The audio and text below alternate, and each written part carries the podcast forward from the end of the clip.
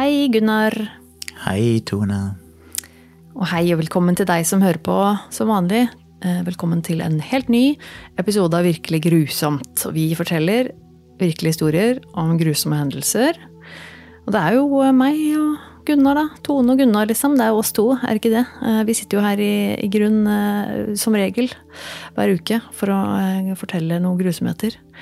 Og Og nå er det en helt ny setting igjen, for dette er første opptaket vi gjør i leilighet i Oslo, inne på Sammen? soverommet. ja. Vi har både gjort det i studio hos Moderne Media, vi har Ja. gjort det i studio i Vennesla, der vi har gjort de fleste episodene. ja, vi har gjort Eller, det ikke de fleste, men halvparten. Vi har gjort, det- Ja, vi har gjort hver for oss, hvor jeg har vært i Oslo og du har vært i Vennesla. vi gjorde en del, kanskje de fleste episodene gjorde vi vel i, i Haugenstua, når vi bodde der i Oslo.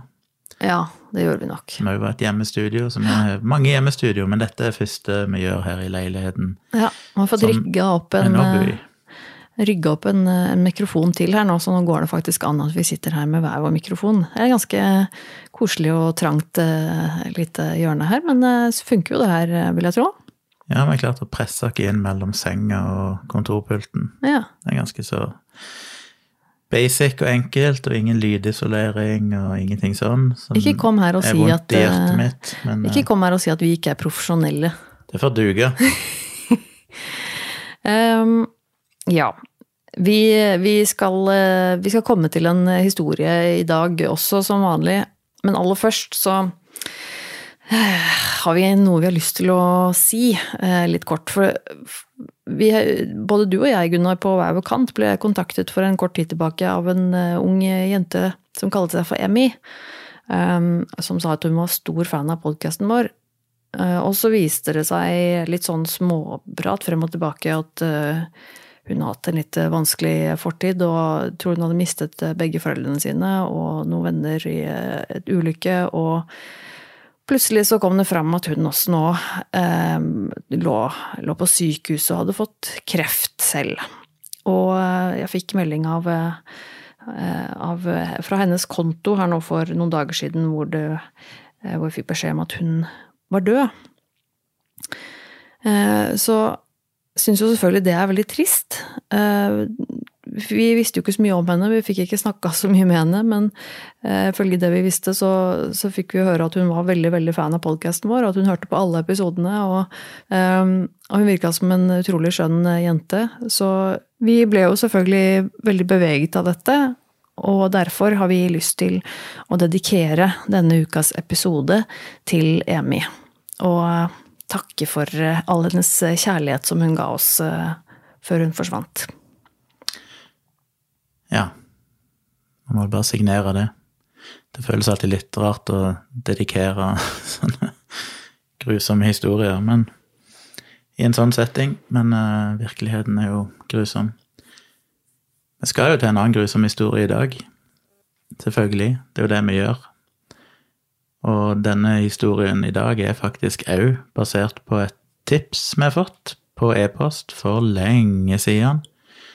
I dag så gjorde jeg det som jeg egentlig bør gjøre ofte, det er at jeg begynner i bunnen av innboksen, går tilbake igjen helt til hvilken tid det er, 2020, noe sånt, Mm. og ser på mailer vi har fått. Og jeg kom til 2021, og der fant jeg en mail. Og det er jo en mail jeg har sett før, og en historie jeg kjenner relativt godt. Men den ble plutselig litt aktuell igjen. Så jeg tenkte det er alltid greit når det er en, si, en grunn, en merkedag eller et eller annet sånt vi kan bruke til å fortelle en historie. Så eh, mailadressen vår er jo virkelig grusomt at gmail.com, hvis det er andre som vil sende tips eller ris og ros til, til oss. Eh, Og må jo bare slenge inn at vi har ei Facebook-side som heter Virkelig grusomt podkast, og der må dere òg gjerne gå inn og like og følge. For der poster vi jo episodebilder og litt informasjon, og hvis det skjer noe spesielt, så er det der vi kommer til å poste det. Så følg dere på Virkelig grusom podkast på Facebook, og send mail til virkeliggrusomt at gmail.com. Men historien i dag, som jeg er litt usikker på hvor godt du kjenner, Tone Hvis jeg Jeg er sier er Cato Air Cato? Cato Mm. Air?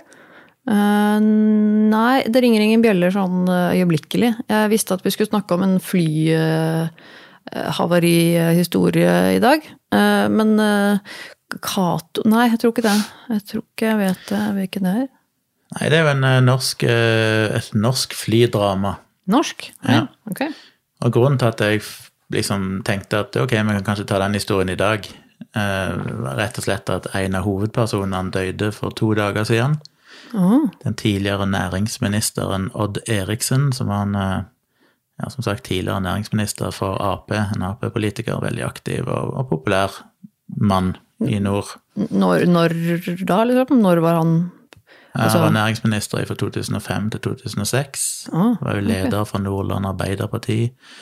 Og var fast innvalgt representant på Stortinget fra 1993 til 2001. Og fra 2006 til 2013 så var han fylkesrådsleder i Nordland. Men han døde altså for et par dager siden. Ble 67 år gammel. Og hvilken rolle han spilte i dette, skal dere jo snart få høre. Jeg må si, I dag så baserer jeg historien veldig mye på en NRK-artikkel skrevet av journalist Chris Veløy, publisert tilbake i 2018. Som jeg tror var den artikkelen Jeg er ikke helt sikker, men jeg, jeg leste, husker jeg, for noen år tilbake i hvert fall en veldig god gjennomgang av den eh, saken. Mulig at det var denne. Så den dukka fort opp når jeg googla artikkelen og sånn, så jeg tenkte at eh, da baserer jeg meg på den, men ehm, ja. Cred til NRK og Chris Veløy for å ha gjort det grunnarbeidet her. Men vi skal altså til 2004. Vi skal til flyplassen i Narvik. Og der var det et eh, ganske så lite fly, for de som eh, har flydd litt rundt forbi i Norge på disse små flyplassene. Så er det mange av dere som har reist på de her små propellflyene. Dette var et sånn veldig lite fly. Jeg tror det var åtte passasjerer. Oi, ja det er lite. Ja, det var veldig lite. Ja. Jeg tror jeg aldri har flydd eh, Jeg har aldri flydd med et så lite passasjerfly. Jeg, jeg har ikke vært så veldig langt nordpå i landet vårt heller, må jeg bare innrømme. Jeg tror ikke jeg har vært lenger nord enn eh, Trondheim, dessverre. Det er nesten en skam å si. Men eh, jeg, jeg har aldri For jeg vet at du har fløyet eh, en del litt sånn opp i nord, nord, nord av Norge, og har ja. tatt noen av disse liksom mindre Widerøe og sånn. Er det ikke de som har disse små Ja, ofte innlandsflyene er det det. Dette var jo Cato Air, da, som Ja. et annet flyselskap, men som ikke fins lenger. Jeg syns det virker så skummelt å fly et så lite fly. Jeg vet ikke helt hvorfor, men Ja, nei, det er litt eh, Jeg har flydd mye. Jeg har reist rundt og holdt foredrag eh, og hatt møter i forbindelse med jobb og sånn, så jeg ble sjokkert, husker jeg, når jeg begynte med det. Og oppdaga hvor mange sånne små flyplasser der er. ja. Hvor mange plasser i Norge du kan nå med fly. Men, Eh, Det er ganske sjokkerende. Uh, men, men Cato Air, var det du sa? Mm. Det er ikke noe som fins lenger, eller? Nei, Cato Air eh, var et flyselskap som ble grunnlagt i 1995 og nedlagt i 2008. Men nå er det norsk?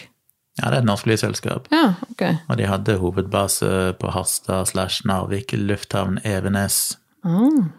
Så det var vel et, eh, et lite flyselskap som holdt til der oppe og fløy noen lokale ruter, regner jeg med. Men et fly med, med plass til åtte passasjerer?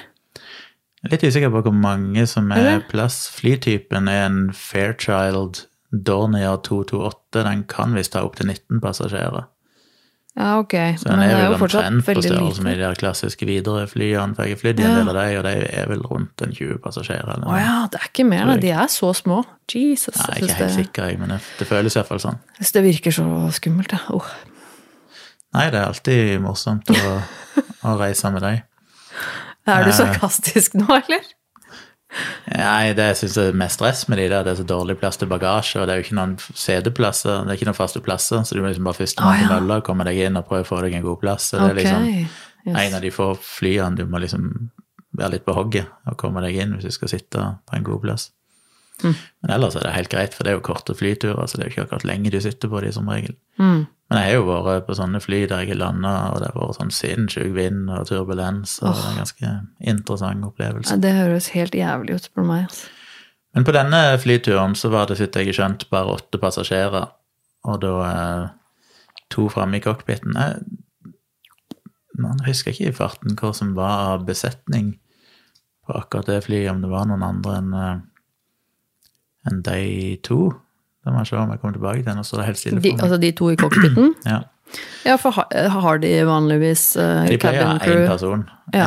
En uh, flyvertinne slash flyvert som uh, går gjennom og serverer noen små sjokoladebeder eller litt kaffe, stort sett. Ja. Og ellers bare sitter framme og kikker bakover, liksom. ja. Men dette var jo Vi skal på at eh, vi skal et stykke tilbake i tid, 2004. ja. Og på dette tidspunktet så var det ennå ikke innført spesielt altså den der høye sikkerheten som vi er vant med i dag. Den skulle innføres ved nyttår. Å ja, for det her var jo Ja, 2001 var jo World Trade Center, og 2004 Ok, så det hadde ikke Det er litt overraskende at det ennå ikke Men altså det var jo innført på alle store flyplasser, sånn, men på disse oh, ja, ja. her små regionale flyplassene så skulle det innføres ifra nyttår, og dette var i september 2004. Ja. Så det hadde ikke helt blitt innført, så det var flere ting her som var annerledes. Nå vet ikke jeg hvordan det er på på dette flyet, iallfall, så var det fortsatt bare gardiner som skilte cockpiten ifra liksom kabinen. Oi! Det var ikke noe dør. Det Jøss. bildet er vel Nei, jeg husker ikke nå, men det må vel være dører på de små flyene i dag. At du faktisk er fysisk sperra av. Det blir jo veldig strengt, iallfall etter 9-11 på store fly, at det er låsbare, innbruddssikre dører.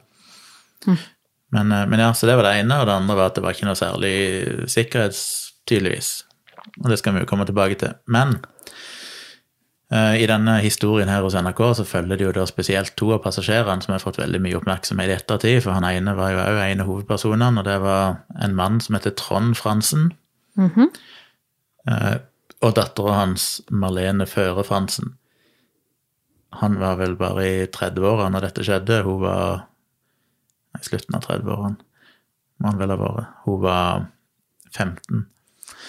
Så de gikk på flyet i Narvik, og dattera Marlene har jo fortalt i mange varianter av denne historien seinere at hun kjente veldig Eller liksom la merke til en av passasjerene. Så var han en fyr med mørkere hud og kom tydeligvis ifra lenger sør i verden. Hadde, han var veldig sånn kraftig bygd, hadde veldig kort og krølla hår og masse gelé i håret. Litt sånn grånende hår. En fyr i 30-årene. Og hun har jo sagt det mange ganger, at hun liksom la veldig merke til dette håret hans av en eller annen grunn. For at når du var tenåring, så la du merke til sånt. Uvisst hvorfor. Men, eh, men ja, så hun var akkurat fylt 15 år, og de skulle flyge fra Narvik til Bodø. Som er jo en, en flytur jeg har vel fløyet den noen gangen jeg har hatt foredrag og sånn. Hun, er, hun eh, pleide å bli fulgt av mora si, men denne dagen så var det altså faren for første gang som skulle bli med henne på flyet. Og det man jo kunne si i ettertid kanskje var flaks. Ellers hadde vel sannsynligvis ikke hun levd i dag. Så de eh, gikk fram til Ra 5 omtrent midt i flyet. Og det er jo veldig trange fly og lågt under taket, så han Trond òg måtte jo bøye seg ned når han gikk i midtgangen for ikke å stange hodet i taket. Eh, Nei, dette er et mindre fly enn jeg har hatt, for de fleste Widerøe-flyene har jo to seter på hver side av midtgangen, men dette her flyet har faktisk bare ett sete på hver side av midtgangen. Oi. Så det er jo veldig lite, og det er faktisk ingen ansatte nei, i kabinen. Så det er kun to personer framme i cockpit, og så er det passasjerene. Oi. Litt før de så sitter det to damer i 40-årene og en eldre mann som følger med en av damene. Og de kjenner òg igjen en person på dette flyet som er da tidligere nestleder i forsvarskomiteen på Stortinget, Odd Eriksen. Som jo altså da kort tid seinere ble næringsminister. Og helt til sist inn på flyet så kommer det da denne her mannen med dette rare håret, krølla, korte håret med masse gelé i. Og han setter seg helt framme, litt sånn på skrå foran hun Marlene, altså på motsatt side av midtgangen. Og det gjør at hun følger liksom med på hva han gjør hele tida. Og hun legger merke til at han tar fram ei rød bok med arabisk skrift på, som hun da på det tidspunktet og har sagt i intervju etterpå at det liksom var Koranen, men i virkeligheten så var det visstnok en bok om islamsk skikk og bruk. Aha. Men han ble sittende og lese i den. Og så starter flyet opp og tar av som normalt. Dette er jo som sagt et lite propellfly. Eh, Etter de er tatt av, så tar han opp en mobiltelefon, denne mannen. Og han er litt usikker på hvem som rapporterer dette, om det er hun som hører det, det er ikke helt klart, men han sier visstnok i denne telefonsamtalen at han ikke har tenkt å returnere til asylmottaket. Og Oi. at den personen han snakker med, hvem det enn det var, skulle få alle eiendelene hans. Så Jaha. skriver han òg to tekstmeldinger, og i den ene så skriver han før jeg forlater denne urettferdige verden preget av USA, vil jeg si ta vare på deg selv. Oi. Så skriver han òg 'Jeg vil forlate Norge. Farvel, jeg vil dø'. Eh, Så dette er sikkert noe de har sett på telefonen hans seinere, da. Det er vel ingen som så at han skrev det, regner jeg med. Nei, det hadde jo vært rart. Men uh, like etter han har skrevet det i meldingene, altså veldig kort tid etter de er tatt av, så ser jo Marlene at, at han plutselig reiser seg opp, og så griper han etter noe som han har holdt skjult på kroppen sin hele tida, oh, som rett og slett er en liten øks. Oi da. Så det er jo litt interessant, at du kan ta med deg en øks. De fant jo òg seinere at han hadde en kniv på seg, en liten uh... Så de sjekker ingenting da på disse små flyene på den tida der, eller? Nei, Det er altså, helt- de, det må være, de kan ikke ha hatt metalldetektor engang. sikkerhetskontroll, ingenting. Det helt Ja, det virker jo veldig, veldig Jeg tror jeg fløy på sånne fly for så lenge siden. Det har jeg stort sett gjort etter 2010. Ja. Men på den tida jeg aldri, så jeg vet ikke hvordan det var. Men det er jo tydelig at de har ikke hatt metalldetektor eller noen Nei, som helst sjekk. kan ikke hatt det, da. Så, så det er jo rart. Man hadde med seg øks, eh, en kniv, og han tok bare et par steg framme og gikk rett inn og fram i cockpiten. ja. I cockpiten så sitter da kapteinen på venstre side, eh, sammen med styrmannen som heter Christian Markus Andresen. Og igjen, som nevnt tidligere, det eneste som skiller de fra kabinen, er jo bare noen gardiner. Og det forhenget var trukket ifra, så du kunne se liksom rett inn i, i kabinen. Og de ante jo ingenting om hva som skjedde. De bare hørte plutselig noen puste bak seg, og det var jo veldig, veldig trangt. Heldigvis på et vis, for da han gikk til angrep med den øksa, så klarte han ikke å få skikkelig kraft i slagene, for det var ikke så mye plass til å bevege seg. Nei, nettopp. Men han, eh, han fikk godt angrep på dem. ja, og, og disse var jo ikke Kapteinen, og spesielt han styrmannen, han hadde vært i en ganske sånn skremmende situasjon med akkurat samme flytype her for ja, litt under et år siden, der det hadde blitt truffet av et lyn og mista egentlig kontrollen over flyet og klarte bare til nød å lande, og flyet ble jo fullstendig smadra, men Oi, og nå kom han der, liksom. ja, rett men ingen av passasjerene ble heldigvis hardt skada i den ulykka, selv om når du ser bildene av det flyet det som ble truffet av lynet? Ja, så er jo det Ja. helt totalvrak. så det er jo sjokkerende at det gikk så bra som Men hva, Det gikk. hva, når han står og han begynner å hogge løs på de folka, hva skjer da? Nei, så han Kristian Christian, da, altså han styrmannen, han som sitter på høyre side, han eh, føler jo bare en eksplosjon da han plutselig blir truffet av økse i hodet. Oh, Jesus. Han ble visstnok eh, først slått med den bytte sida av økse. Så altså ikke den skarpe Ja, baksiden, liksom. Ja. Ja. Men han gikk jo til angrep på han andre med den skarpe sida av økse. Oi. Så faren til Marlene, altså han Trond Fransen, han sitter jo da på andre siden av midtgangen for Marlene og ser plutselig da at denne mannen gjenger fram og slår til kapteinen med den butte enden av øksa, og så ser han at han, ser han, at han slår styrmannen med den skarpe enden. Og han ser òg at han kaster seg fram, han med, han med øksa altså, og river ut ledningene til hodetelefonene, og så begynner han å skru på forskjellige brytere på instrumentpanelet. Jesus. Og det viser seg seinere at uh, det virka kanskje som han visste hva han gjorde, for han har skrudd av bryteren til hovedstrømmen og litt sånn. Oh. Så det er mulig han har researcha litt den flytypen og visste hva han skal skru av, men han prøver tydeligvis å gjøre mest mulig skade. skade. Og han Trond han tenkte at nå er disse pilotene døde, og hva kommer til å skje nå? Han frykta at han kom til å snu seg og begynne å angripe passasjerene. Eh, Så hørte han noen av damene bak seg begynte å rope om hjelp, og det fikk da han Odd Eriksen, som jo da gikk bort nå for et par dager siden, han eh, plutselig responderte og oppdaga at noe skjedde. Og han kunne ikke se noen øks der han satt, men han så jo at det var en eller annen fyr som var framme i cockpiten og gjorde et eller annet, og tydeligvis ikke skulle være der. Så han hoppet umiddelbart opp og sprang fram for å prøve å fjerne denne mannen, da. Prøve å få han ut av cockpiten. Trond han satt jo livredd. Han var helt fjetra og så bort på dattera si, stakkar 15 år gamle dattera, som var helt panisk og observerte jo det som skjedde. Åh, fy søren. Han, eh, Odd han prøvde desperat å få tak på øksemannen og få dratt han ut av cockpiten, men det var ikke lett, både fordi det var trangt, og han var jo kraftig, han eh, gjerningsmannen. Men han fikk til slutt tak rundt livet hans, eller tak i beltet hans, og liksom satte spenntak med beina og prøvde å dra han ut. Men det var helt umulig å få tak på han, og han hadde da tatt tak i flystykker, altså selve rattet, holdt jeg på å si, på flyet oh, ja. og pressa det framover, sånn at flyet nå var på vei rett ned mot bakken. Og på vei ned mot bakken så spant det jo rundt og rundt òg, så det var jo helt fullstendig kaos inne i flyet. Altså det går rett nedover, men det Ja. spinner også rundt seg selv. Ja. Å, guri malla. Og det, på den rotasjonen så blir hun liksom pressa ut mot siden. veggen. Ja. Og så roper hun til faren sin og 'pappa, pappa, gå og ta han'. Oh. Og da velger han å gjøre det, han Trond. Han hører dattera si at eh, 'gå og ta han', og han velger å ta seg beltet og så prøve å, å gå fram. Han har jo sjøl sagt i ettertid at det var liksom som noen slo på en bryter, for han bare så frykten hennes. Og da tok bare instinktene over. Og eneste målet han hadde, var jo basically å, å påføre han her fyren så mye smerte han kunne, for han var så Ja. forbanna. Skikkelig bare beskyttelsesinstinkt, liksom. At nå skal han ja, passe på. Og dette flyet snurra jo rundt og sånn, og plutselig så lå han jo oppe i taket, og de fant jo senere fotspor i taket og sånn, fordi halvparten av tida så gikk de jo opp ned, og det er ikke en enkel situasjon å håndtere noen ting i. Nei. Så de som var i flyet, var jo helt sikre på det tidspunktet at ok, nå er vi dødsdømte, er døde. Ja, det hadde jo jeg òg er tenkt, det, selvfølgelig. I seinere tider så er det jo sagt at de visste jo det at nå var alle døde. Men Trond bestemte seg for at før han døde, så skulle han fanken meg påføre denne mannen så mye smerte som han aldri har kjent før. Ja. Så han klarte å hive seg forbi Odd, som da sto og drog i denne mannen. Og framme i cockpiten så var det jo blodig syn, og det er jo bilder det òg, med blod overalt på setene, instrumentpanel og sånn. Styrmannen, eh, altså han som sitter på høyre side, han var fortsatt livløs, han som fikk den skarpe enden av øksa i hodet.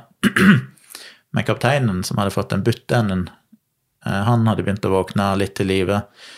Og han klarte å holde kaperens venstrehånd i sjakk, den som holdt øksa. Og så prøvde han å presse alt han kunne på pedalene for å prøve å rette opp igjen flyet, og klarte å få flyet til å slutte å spinne. Oh, wow. Men det gikk jo fortsatt rett nedover mot bakken, for det fortsatt så drev jo han kaperen og, pressa stikka framover. Ja. For ja, fordi han har jo da Så kapteinen holder fast i den armen til kapreren som har øksa. Mm. Men kapreren har jo da selvfølgelig to hender, så den andre hånda hans dytter fortsatt på Ja. spaken. Ja, han er jo på en måte gravitasjon på sin side òg, fordi Ja. er jo velta framover. Ja, nettopp. Og så er det han Trond der bak som på en måte prøver å dra unna Ja, han. Odd står jo og drar, han Ja, ja, næringsministeren står jo og drar, og så kommer jo da Odd, nei, Trond, Mm. og hopper på og, og prøver å hjelpe til. Og så begynner han styrmannen Christian å kvikne til, og da klarer Oi. kapteinen å rope Han styrmannen? Han som Oi. Ja, så han var ikke død, han heller. Eh, Besvimt, mista bevisstheten, men begynte å komme til bevisse, bevissthet igjen. Og så ropte kapteinen til han at han måtte dra i stikker alt han klarer. For det, Ja. i flyene så er jo alt duplisert. Du har Ja. jo stikker på hver side, du har pedaler på hver side, ja. eh, som en sånn backup. Sånn at begge, både Begge, begge kapteinen og styrmannen, kan flyge flyet på sin side. Mm. Og hvis noe skulle gå galt med de ene instrumentene, så er det på en måte en reserve. Så mens, de driver, mens kaperen driver og dytter framover på stikker på kapteinens side, så er jo da styrmannen fri til å dra i stikker på sin side og prøve å motstå dette. Og Trond, som nå har kommet fram, altså, han klarer å ta armen rundt halsen på kaperen og prøve å dra han bakover med all sin makt. Og han kjente at dette måtte være veldig vondt, men det gjorde han jo egentlig bare glad, så han bare fortsatte å, å prøve å dra han i halsen. for en makt du må da, altså da For de står jo i nedoverbakken i dag, egentlig. Altså, fordi at flyet Ja, er vel jo er fortsatt jo- på vei ned. Det er så crazy i denne artikkelen på NRK, så de lager en sånn animasjon da, som viser det, men, men de har jo gjort beregninger i ettertid som viser at det var ja, altså de, På dette tidspunktet så fløy de basically rett ned mot bakken med en fart Altså, på mellom 550 helt- 550 og 600 km i timen. Herregud. Så han har altså i nedover, Mens de stuper nedover, så tar han taket liksom rundt halsen og begynner å dra altså, Ja. imot tyngdekraften, liksom. Ikke hvor han spente ifra beina hen, altså. og hvordan de klarte å håndtere dette, men Wow. Tyngdekraften virker jo nedover, men samtidig så fløy de jo veldig fort, så det kan være at de mer eller mindre er vektløse. jeg vet ikke. Um, Så kapteinen han presser alt han kunne på pedalene, og du bruker vel pedalene til å på en måte styre flyet med, så han fikk retta det opp. Og drar alt han kan i stikker med den ledige hånden, mens han holder den andre hånden prøver han å holde kaperen sin hånd med øks. Og styrmannen han trekker jo òg alt han kan i stikker. Og Marlene sitter jo bare og ser at faren og Odd driver og drar i denne kaperen alt de kan- kan. Men nå er det jo bare noen sekunder til de går Ja, det rett i bakken. Ja, for det er jo, det er jo ikke lenge, lang tid du, det tar før et fly treffer bakken når det er på vei rett ned. Altså, det, har, det Nei, ikke i den det farten går jo- sånn, så ja. går det jo fort. Så hun var jo sikker på at nå, nå fylte jo bakken fylte jo hele synsfeltet Åh, deres. gud. Hun var sikker på at de skulle treffe bakken, men så plutselig så var det sånn Hæ, traff vi ikke bakken allikevel? Og det er fordi at akkurat i det øyeblikket så fikk de på en måte overmann øksemannen, så han ga litt etter, og Trond og Odd klarte å trekke han bakover, og da fulgte stikker med. Ja. Eh, og alle de andre drog jo i, i stikket det de kunne, de som hadde tilgang, kapteinen og styrmannen. Og ifølge han styrmannen så så han vel at høydemålene på det tidspunktet stoppa på 120 fot, altså 30 meter over havet. Nei! Uh, og så ligger vel sannsynligvis bakken her litt grann over havnivå. Det Så er de har jo gjort beregninger i ettertid som sier at det var to tiendedels sekunder før de gikk i bakken. altså. Det er helt latterlig. Ja, det er liksom bare helt sånn. Det er helt latterlig. Det var mindre enn et sekund liksom, før de var døde, men liksom helt i siste liten, 30 meter over bakken, så klarer de å flate ut flyet. Altså, det er da du skal være glad for at det er et så lite fly. For det hadde jo aldri gått å snu et sånt fly Nei, nei. hvis det hadde vært et svært passasjerfly. ikke sant? Det hadde jo vært helt umulig. Men så får de det motsatte problemet, for de klarte jo å dra han bakover, men han hadde fortsatt en hånd rundt stikka, denne kaperen. Oh, ja. Så det betyr at plutselig nå så er stikka dratt rett bakover, som betyr at de flyger plutselig rett vertikalt oppover. Mm. Og de to mennene fortsetter jo å dra i han, så det hjelper jo til på en måte til at stikker blir stående i bakre posisjon, Mm. og flyet plutselig bare går rett opp, og det klarer du ikke, for du har ikke nok fart når du nettopp er snudd basically 180 grader fra et vertikalt stup til en vertikal stigning. ja. Så er det ikke så mye motorkraft, så Nei, og- flyet begynner å gå oppover, og når han kommer til et visst punkt, så står plutselig bare flyet stille. Mm. Og så begynner det å falle nedover, mot bakken med halen først. Mm. Før vi går videre, så kan vi jo snakke bitte grann Nei, men om, var det eh, så spennende. ja, om denne kapreren, da. Hvem var han? Oi, ja. Eh, Han kapreren heter Brahim Boutera. Var ifra Algerie, tror jeg. Eh, 35 år gammel.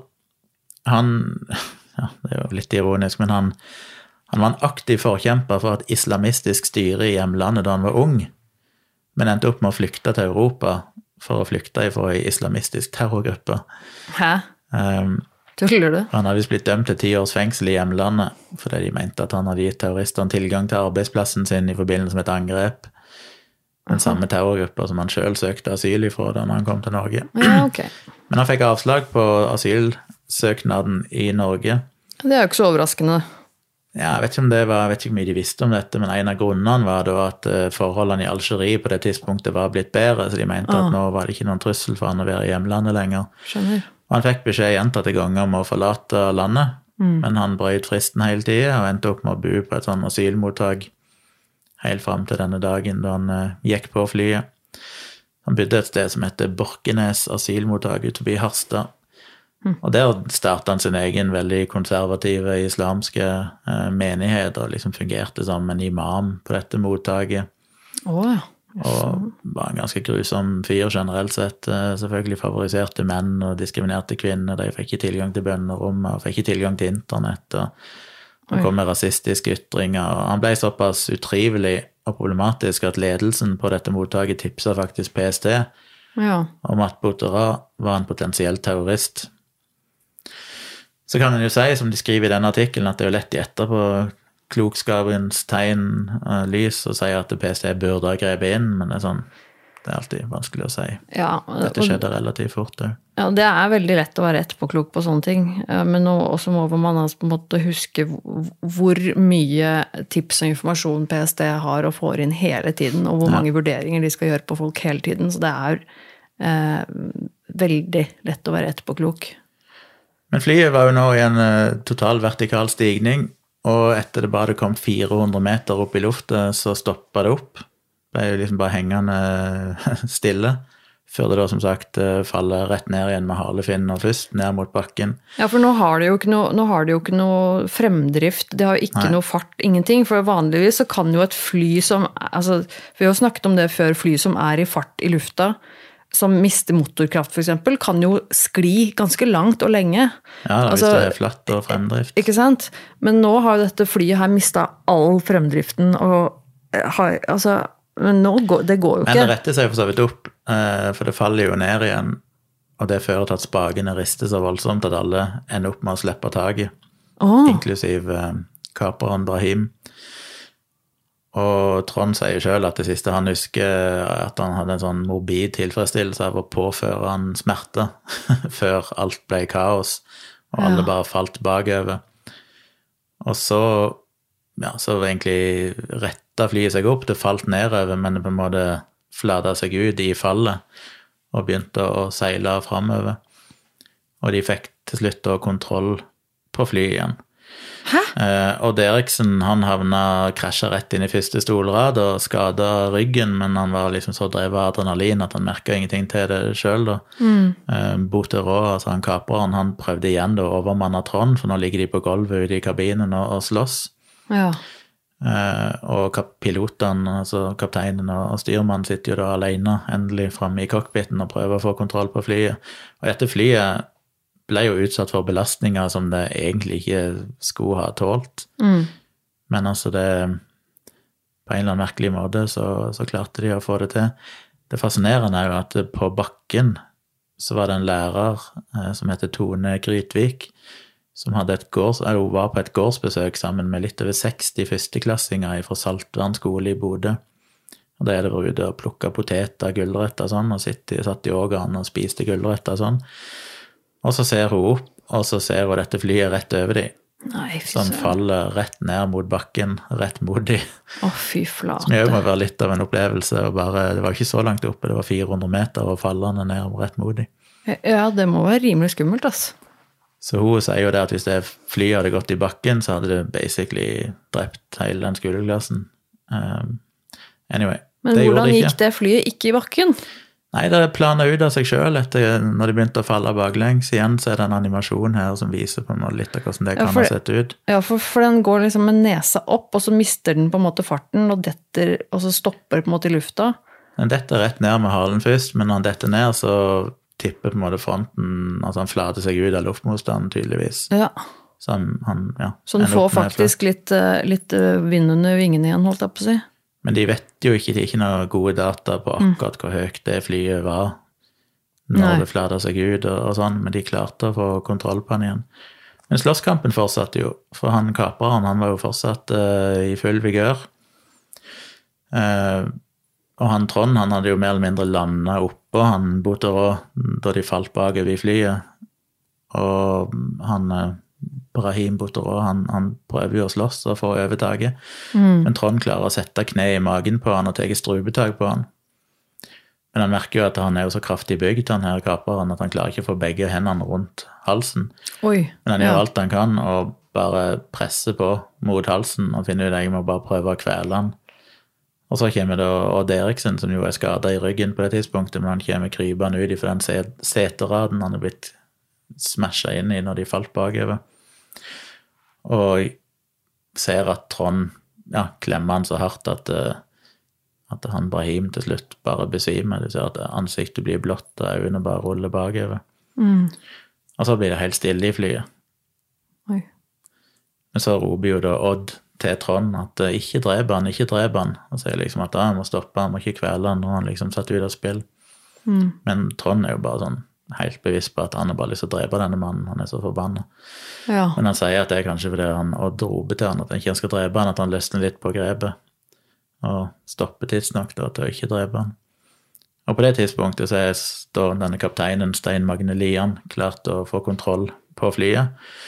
Og gir da en tommel opp til styrmannen Wow. og sier at eh, kan du ta over flyet her, litt grann ta over styringen. Og så løsner han sikkerhetsselen, og så gikk han bak i cockpiten, nei, bak eh, Mens For- blodet renner Ja. og Shit. for å hjelpe til. Men idet han kommer bak, så våkner jo Brahim til bevissthet igjen, fordi han har fått litt uh, luft og oksygen inn, og begynner å slåss på nytt. Nei, nei. Oh. Og da kan de se at denne øksa plutselig ligger i nærheten av han, for den er liksom sklidd bakover da flyet var opp ned, og kom da seilende mot de. Og Brahim prøver å få tak på øksa, men eh, Odd Eriksen har jo på dette tidspunktet satt seg oppå Brahim og klarer å få og på en måte festa eller låst håndleddene hans så ikke han klarer å bevege armene lenger. Og kapteinen kommer til å springe han ut og plukke opp den øksa. ja. Og Trond igjen begynner å kvele Brahim så hardt at uh, til slutt så merker han at han blir livløs igjen. Nå er det klart, altså han, Denne kapreren han har jo ingenting å miste i denne situasjonen. Han, Nei, han trodde jo, jo- han, han skulle jo dø, han uansett. Så han er jo klart at han gjør jo alt han kan for å Ja, det skjønner jeg jo. Ja, oh, er det jo styrmann Christian, som jo er hardt skada, som eh, flyger flyet alene der framme. Det var han som, men det var han som hadde fått spissenden, det. Så han er jo egentlig den som er mest skada, da, skulle vi tro. Ja, han har et stygt uh, sår i hodet. Og han oppdager jo på det tidspunktet, for da prøver han å få kontakt med flyplassen omsider og si ifra hva som skjer. Men da oppdager han jo at Bahim er slått av hovedbryteren for kommunikasjon, og også slått av hovedstrømsbryteren, sånn at alt de gjorde av å styre flyet, skjedde jo på ren mekanisk kraft. Det var ingen elektronisk styring i det hele tatt, så alt var bare på en måte Oi. ja, mekanisk. Eh, Som er det som tyder på at han kanskje visste hva han gjorde, at han har slått av kommunikasjonen av hovedstrømsbryteren. Han har liksom ikke bare helt vilt tatt noen tilfeldige brytere, men han har gjort ganske Ja. systematisk eh, til verks. Ja, ja, det kan jo virke sånn. Eh, Jeg vet ikke hvorfor de ikke får skrudd det på igjen, men de ender iallfall opp med å lande uten å ha fått noe kontakt, uten å ha hatt noe kommunikasjon. Men klarer å lande? Ja. Eh, Så de lander på flyplassen igjen, og da har de vært helt ute av kontakt med flyene i ti minutter. Og denne transponderen som viser hvor flyet er, så de kan se han eh, Altså, dette kontrolltårnet kan se hvor flyet er, har jo vært uten strøm. Så ifølge deg så er jo bare det flyet forsvunnet. Men de, de klarer minutter. å lande, ikke bare lande, men de klarer å lande på flyplassen? De lander på flyplassen. eh, litt usikker. Lander de tilbake igjen i Narvik, eller lander de i Bodø? Nei, det er i Bodø, ja. Så de kom seg jo til Bodø. Nei, og landa i Bodø. what? Og der var jo begge blodige, og det er jo bilder her som viser at det er blod på utsida av flyet. Oi, ja. Når de gikk ut av flyet, så hadde det kommet blod på veggen av flyet og sånn. Så Oh, ikke så veldig trivelig, men de fikk av alle passasjerene, og bare styrmannen og Trond ble igjen på flyet da med han eh, såkalte øksemannen. Og Christian han røska av litt av dette forhenget mellom cockpiten og kabinen og, bandt det rundt eh, såret sitt på hodet. Mm. Og de sier jo det i ettertid at hvis den hvis det hogget med øksa hadde hatt bare litt annen vinkel, så hadde han blitt drept momentant. Men eh, Wow. litt usikker på akkurat hvordan det traff. Jeg har ikke funnet noe bilde av det, men tydeligvis vært heldig nok til at det da ikke tok livet av han. Ja. Så de fikk overgitt han eh, øksemannen som fortsatt er besvimt av oksygenmangel etter å ha blitt kvalt to ganger, Mm. og fikk overlatt han da til, til brannmannskapet på lufthavnen. Så de fikk eh, overlevert han til politiet. Og der eh, Ja. Det var da de gjorde noen beregninger i ettertid som viste at de hadde to tiendedels sekund før de hadde gått i bakken. Som er ganske imponerende. Nei, det er helt sykt, egentlig. Det, det, det, det er litt forbi imponerende, føler jeg også. Det her er jo bare sånn du ser på film, det. Ja, det er ganske fantastisk at den historien skjedde i relativt moderne tid, for mindre enn 20 Ja, år siden. i siden Norge. Dette er jo helt utrolig. De ble jo selvfølgelig eh, Fikk jo hjelp, disse passasjerene, og medvirkende av krisepsykiater og Ja. en forsker. Og han er jo litt flåsete kanskje konkludert med at den mirakuløse overlevelsen skyldtes egentlig bare at det var nordlendinger om bord. Som han sa, den, den enestående handlekraften kommer fra en nordnorsk kultur der folk er mer vant til å klare seg selv. Derfor unngikk de to nordlendingene å bli passive tilskuere til sin egen død. Men selvfølgelig så er jo flere av de som var om bord, slitt med posttraumatisk stresslidelse i ettertid. ja, det skjønner jeg godt. Fascinerende nok så har de som engasjerte seg da, han Odd og Trond, har faktisk ikke hatt noen problemer. Mm. Og det sier jo han psykiateren nok skyldes at de som har aktivt bidratt, altså aktivt beskytta seg sjøl, eh, i mindre grad utvikler PTSD. Det er mer de som sitter og føles på en enorm følelse av hjelpeløshet, som er på en måte passiv i Ja. handlingen, som ender opp med å Mm. For han sier at det er den overveldende hjelpeløsheten som er kjernefølelsen i PTSD. Mm. Eh, Men ja, så de reiste jo, Marlene og Trond de reiste videre til sykehuset i Bodø, som var der de var på vei, fordi hun hadde, gikk der for å få behandling mot barneleddgikt. Og så satte de seg på flyet tilbake igjen til Narvik samme dagen. What? Så det er jo ganske kult. Etter en sånn opplevelse så er du på sykehuset, og så flyger du hjem igjen. Eh, hun er jo selvfølgelig slitt litt i ettertid og hadde litt problemer med store folkemasser og sånn, men Trond, altså faren, har jo som sagt ikke hatt noen problemer, sier han. Han har flygd mye og syns ikke det er noe stress. Han sier jo at eh, når det er bitte grann turbulent på et fly, og han ser at folk liksom sitter og holder seg fast i armlenene og sånn, så sitter han bare og humrer. For de vet, de vet ikke hvor turbulent det egentlig er, sånn. Han kan definere turbulent. Ja, det er klart det, men det skjønner jeg jo. Er, jeg vil jo også tro at eh, litt turbulens på et fly, det er jo ingenting sammenlignet med det han har opplevd på den turen der. Så det er klart Nei, at det- det, det kan jeg jo forstå. Eh, og det er jo eh, holdt jeg på å si, Det er jo kult å, å vite at man trenger ikke å bli eh, traumatisert og, og få posttraumatisk stresslidelse selv om man opplever noe som er veldig traumatisk. Det er ikke sånn at, man, at alle får det uansett. Nei, nei. Så det, eh, det er litt kult å, å liksom høre om en som eh, En som holdt jeg på å si, klarte å ta det på den måten. Jeg ikke, prøver ikke å legge skyld på folk som får PTSD, for det er jo ingen sin skyld, men, men det er jo litt sånn Det må jo være utrolig fint at du på en måte kan komme ut på den siden av en sånn hendelse, og så i tillegg da ikke være redd for å fly, på en måte, for jeg, for jeg skulle mm. tro at det er en ganske naturlig ting å være redd for etterpå. Ja. Uh, jeg har jo bare helt eh, Helt sinnssykt greier. Jesus. Det ble selvfølgelig et rettsoppgjør i ettertid. Eh, Bouteroux prøvde jo å forsvare seg med at han var psykotisk i gjerningsøyeblikket. Right. Det ble avfeid av de faglige sakkyndige. Det Ja. som skiller denne tida fra i dag, er at på den, den tida der så hadde vi ikke noen sånn terrorlov. Oh, ja, ter- Nei, nettopp, ja. Terrorparagraf. sånn i- Ja, så i dag ville han jo blitt dømt for en planlagt terrorhandling. Ja. Men siden dette skjedde da det skjedde, så ble han faktisk bare tiltalt og dømt for forsettlig drapsforsøk. Yes. Ja. Og endte det opp med å få 15 års fengsel Oi. Uh, i 2014. Jeg tror han sona fra 2005. Så i 2014 så hadde han sona to tredjedeler av straffen. Og ble på det tidspunktet da utvist, sendt, satt på et fly og sendt til Algerie. Ja, for han hadde jo utgangspunktet ikke opphold i Norge, han. Nei, han skulle jo vært sendt ut før denne handlingen skjedde, da. Så han ble jo sendt ut så fort han hadde sona minimumsstraffen, det han måtte. Han var heldig som fikk sone i Norge, da. Og hvordan det har gått med han i ettertid uh, i Algerie, vet jeg ikke. Jeg vet ikke om noen har fulgt han og sett hva han har drevet med. Han virker jo som sagt ikke som en helt trygg fyr, for å si det mildt. Men, Nei, uh, men det har jo etter forholdene gått bra med de som var involvert, og det var jo en helt uh, crazy historie. Jeg har sett noen greier om at de skal lage film om det. det. ja. uh, litt usikker på om de har laga, eller om de driver og lager. Eller om det bare er planlagt. Men det er jo, hadde jeg jo håpet ville skje. Det blir en veldig kort film, det. Hæ? Det blir en veldig kort film. Hvorfor det? Nei, eller bare sånn, for det, går jo veldig fort, dette her. På Ja, ja. Det er jo på en måte Men du kan nok følge både han eh, Ibrahim Nei, Ibram Nei, Brahim. Brahim. Brahim Boutara. Det er nok mye å fortelle om hans liv i før og etterpå, og de forskjellige involverte. Så. Ja, nei, det er absolutt det en film jeg hadde sett. Jeg skal ikke si noe annet enn det, altså. Jeg, eh, eh, Jeg jeg er litt sjokkert over at ikke jeg liksom har fått med meg den saken her eh, før, jeg. Ja, Eh, jeg òg. At jeg ikke har fått med meg? Du, er Eller omtrent, eh, du er vel omtrent like gammel som hun Marlene som satt på dette flyet på det tidspunktet.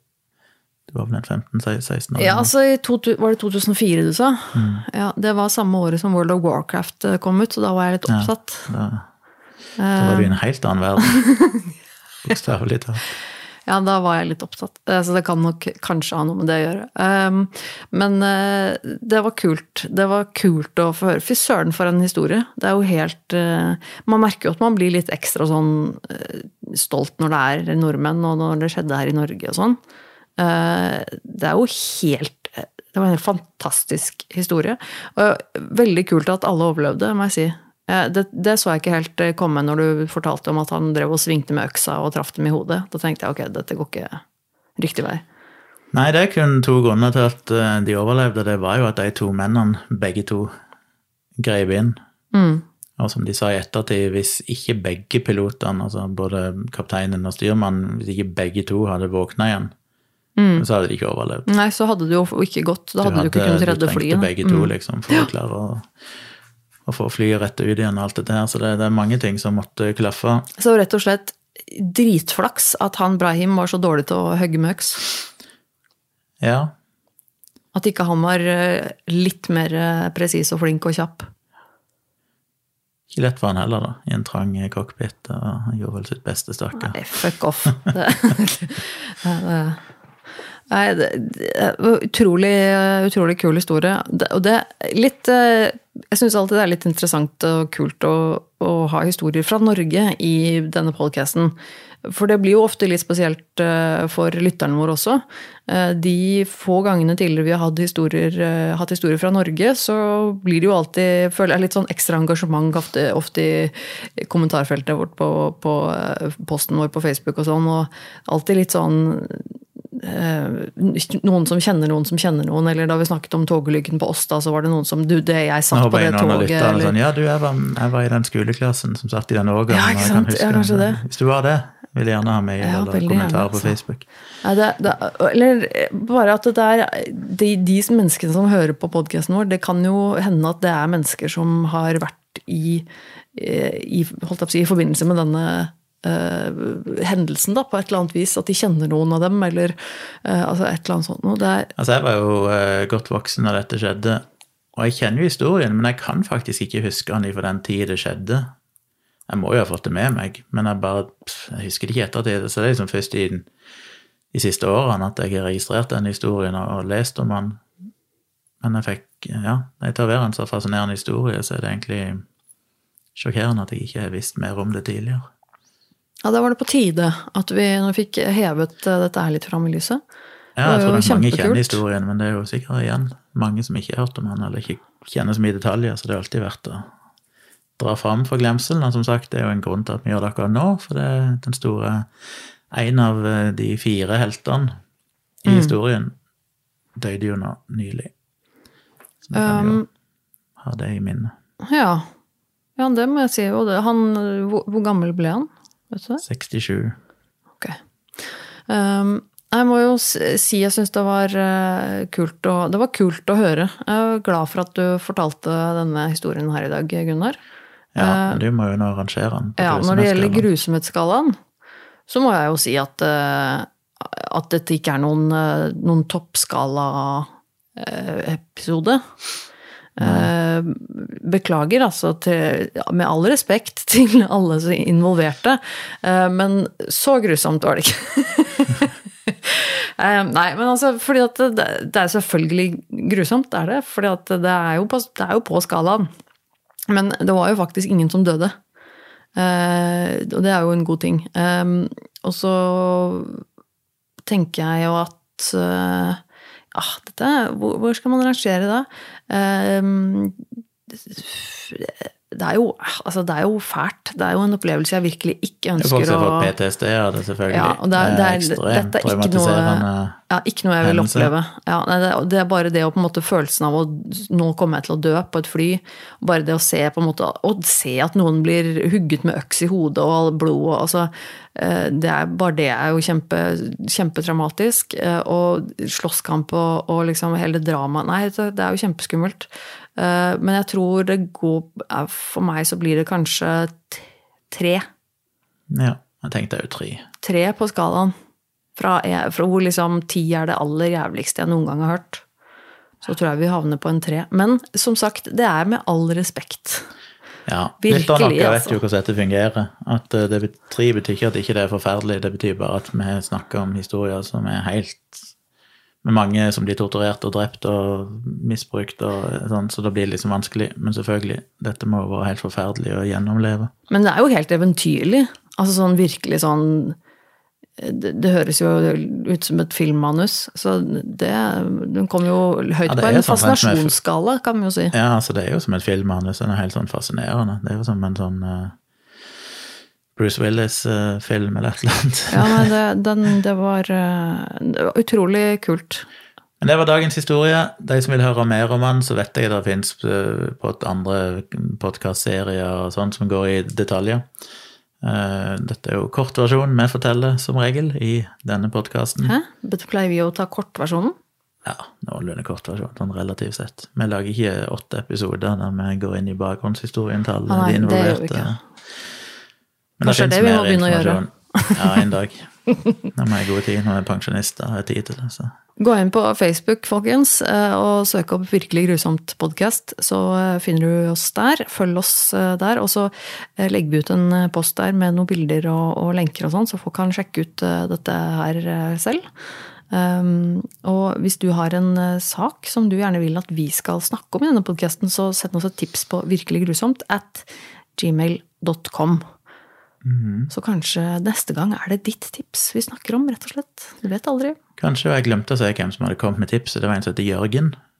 Tilbake Mm, i juli 2021. Så det kan være flere jeg kom med tips i ettertid òg, men det var den første jeg fant når jeg gikk ifra i kronologisk rekkefølge. Ja. Så vi takker Jørgen for det tipset. Ja, og alle andre som sender inn, det setter stor pris på det. Og ikke minst selvfølgelig alle dere som hører på podkasten vår. Eh, fortell en venn, eh, en du kjenner, om podkasten vår. Eh, Spread the word, eh, please. Eh, hvis du liker oss, eh, så hjelper du oss masse med å gjøre det. Og så ja, er vi vel tilbake om en uke, vi eller?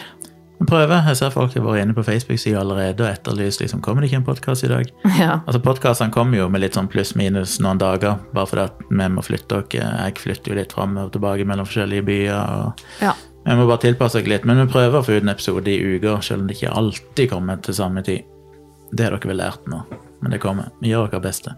Yes. Så takk for at du hører på, og så prøver vi å være tilbake igjen en eller annen gang i neste uke. Vi høres. Ha det. Ha det.